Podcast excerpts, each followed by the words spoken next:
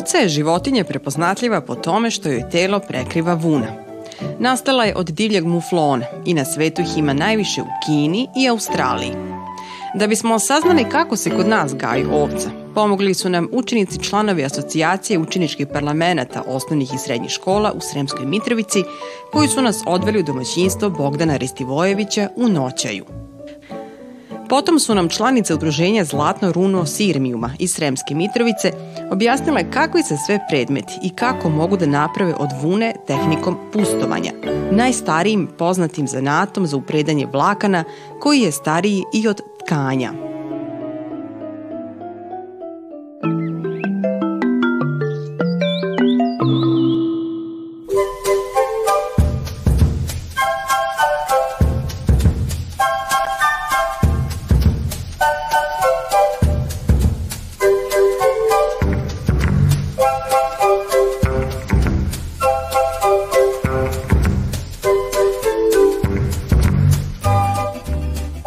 Dobrodošli, draga deco, kod mene ovde moje domaćinstvo. Ja sam Čika Bogdan Ristivojević.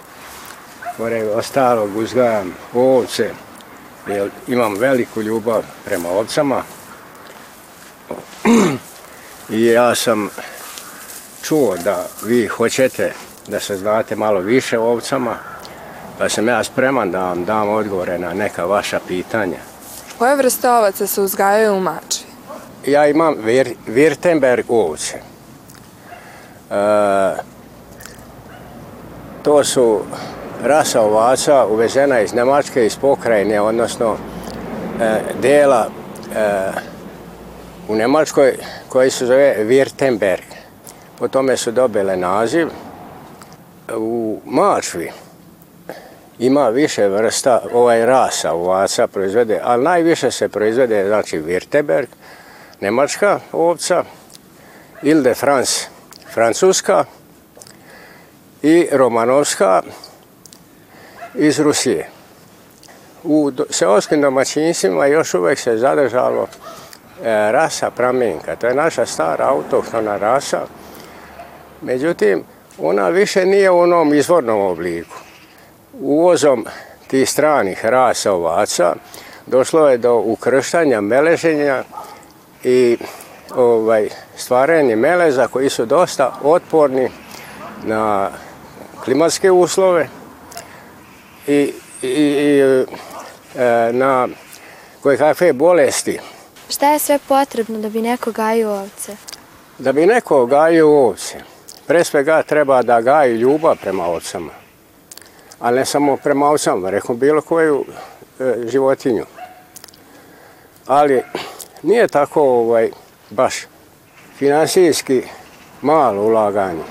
Da bi neko počeo da proizvodi ovce, znači morao bi da izgradi objekte, ovčaru pre svega, onda senjak ili neku sa kronom konstrukcijom objekat, građevinu, da bi mogao da skladišti kabastu hranu, e, detelinu, lucerku, slamu, seno, kukuruzovinu i druge žetvene ostatke, onda da ima objekte za skladištenje e, zrnaste hrane, kukuruza, ječma, soje, razni otpadaka iz ovih prehrambenih fabrika. E, I na kraju ovaj, jednu sumu para da bi kupio osnovno matično stado, e, najbolje je početi sa 20-30 u umatičenih grla koje imaju svoje papire u čistoj rasi.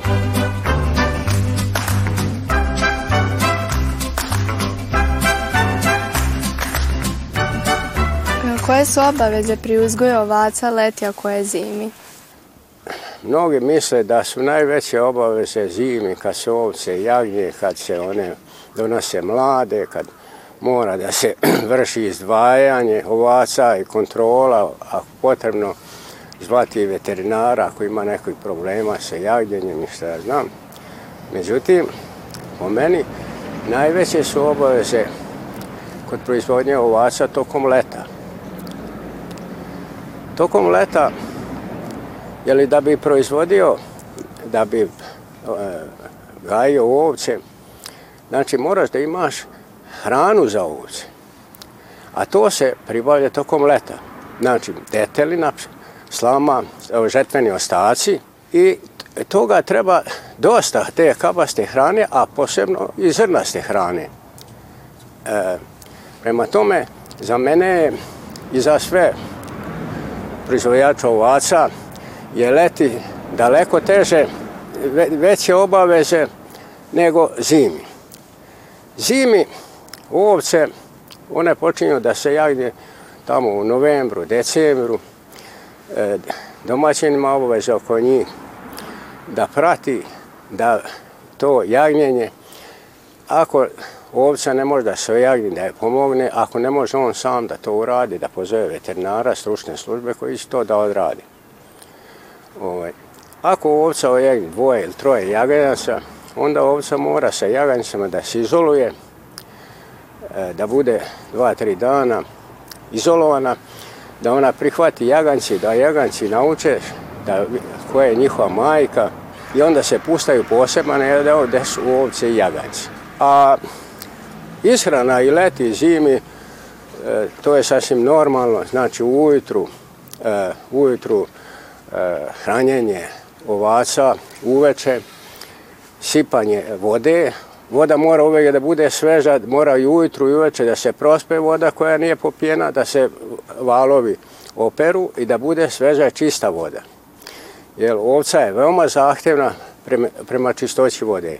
Koje su koristi čoveka od ovaca? Ovce se uzgajaju iz tri osnovna razloga. Znači, služe za proizvodnju mesa, vune i mleka. Međutim, pošto nije to regulisano ta prerada mleka i, i šta ja znam, ovaj, takođe i sama, sama prerada vune. E, uglavnom se ovca kod nas u Srbiji, a i u Maču ovde kod nas, proizvodi e, za da se dobijaju jaganci, znači za e, proizvodnju mesa.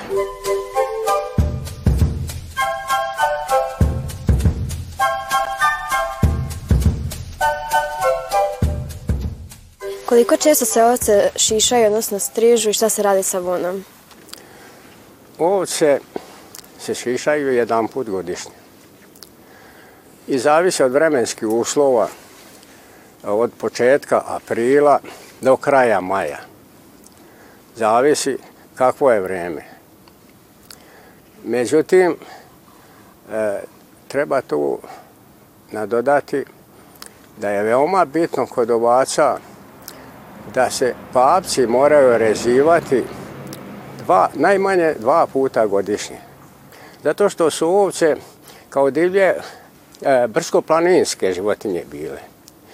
I one su pripitomljene i sad se one nalaze u ravnicama i svugde, a ti papci u brskom planinskom predelu oni se troše na onom kamenjaru, na kamenu, ali gde nema to kamena, ti papci rastu pa ometaju ovcu u pravilnom razvoju e, i hodanju, tako da se oni moraju rezivati najmanje dva puta godišnje.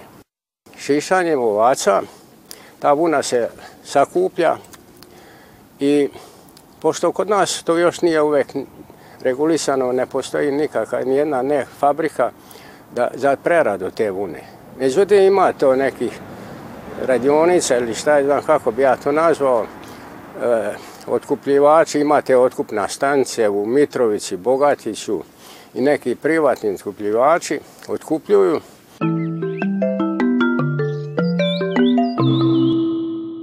Drugari, dobrodošli.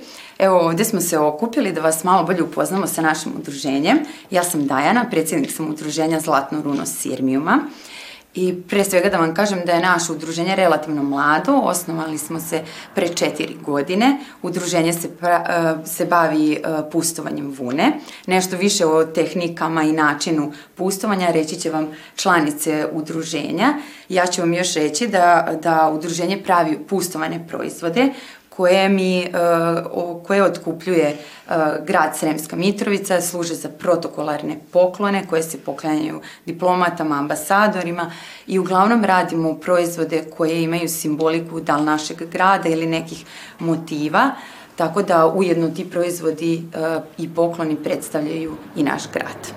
Šta je to pustovanje vune? Da bismo pustovali vunu, prvo su nam potrebne ovce. One se prvo ostrižu ili ošišaju, ta vuna se mora oprati i onda ide kod vunovlačara. Kod vunovlačara se vuna o, išče, očešlja ovaj, i onda dobijemo ovu vunu koja se zove pust, po tome je i, i dobijen naziv pustovanje. E sad, ako želimo da pravimo neke upotrebne predmete koji su kao papuče, zepe, podmetače, torbe, ovaj, onda nam treba voda, sapun i mnogo truda da bi to valjali, tako se to zove valjanje. Ovaj, ako želimo da napravimo neke upotrebne ove predmete koji su dekorativni kao grlice, miđuše, ovaj, ove naše zvečkice, igračkice, broševe razne, ovaj, i čak i ove kuglice da šaramo, onda nam je potrebno isto ovaj pust vuna i ovaj, igla, neka podloga, da se ne bi ovaj, igla polomila, pošto su igle tanke, i te iglice su posebno namenjene E, za, samo za ovu vrstu ovaj, pustovanja, znači to nije igla kao igla, nego ima posebne zareze koja mrsi vunu i sabija, tako da posle toga vuna ne može da se ovako raspe.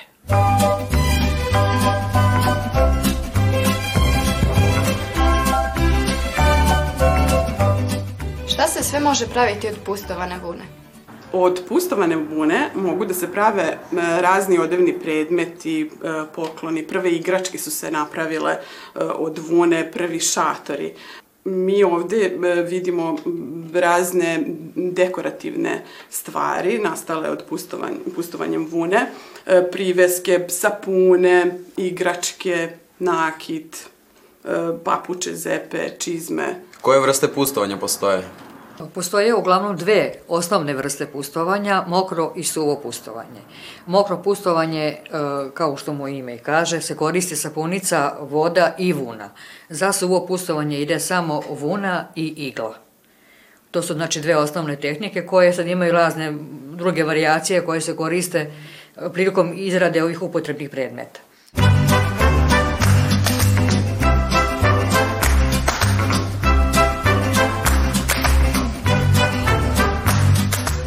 Gde se mogu vidjeti proizvodi koje prave vaše udruženje?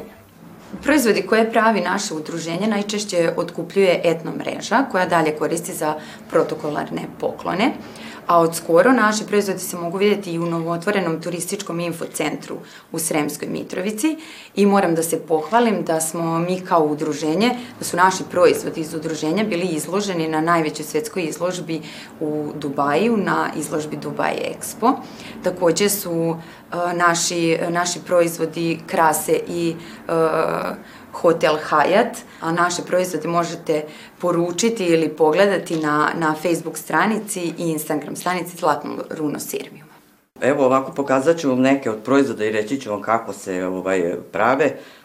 Ovo je čizma, inače su za kućnu upotrebu, mada Ruskinje prave iza, za napolje, kad se počinje džonom i malo još deblja, te poznate valjenke ove, pa smo mi probali za kućnu upotrebu da pravimo. Ovo se radi tim mokrim pustom, znači vuna se slaže da bude do debljine otprilike ovoliko i onda se kvasi i tu to je dugotrajan proces koji ovaj, valjanjem i stiskanjem vune, ona se sabija, vuna se skuplja 30%. Znači, to bude ogromna jedna čizma kad počneš da radiš i onda kad je dovedeš u to stanje da ti odgovara, inače se pravi po kalupu, znači kolika je noga, ali bude velika i onda kad se skupi, seče se, vadi se taj uložak koji je unutra, ovaj, sve se radi iz jednog komada, znači samo se ovaj deo ovde preseče, ovo se ništa, samo se podšiva ovaj, odole ovo da ne bi, da se ne bi klizalo. Ovaj, e, onda nastaje, možemo suvim, a možemo i, i mokrim pre da stavljamo te neke šare. Onda i licom uzmemo pa našaramo. Znači, to vam je nešto baš upotrebno koje može da se nosi, dosta se naručuje, papuče, čizmice i zepe.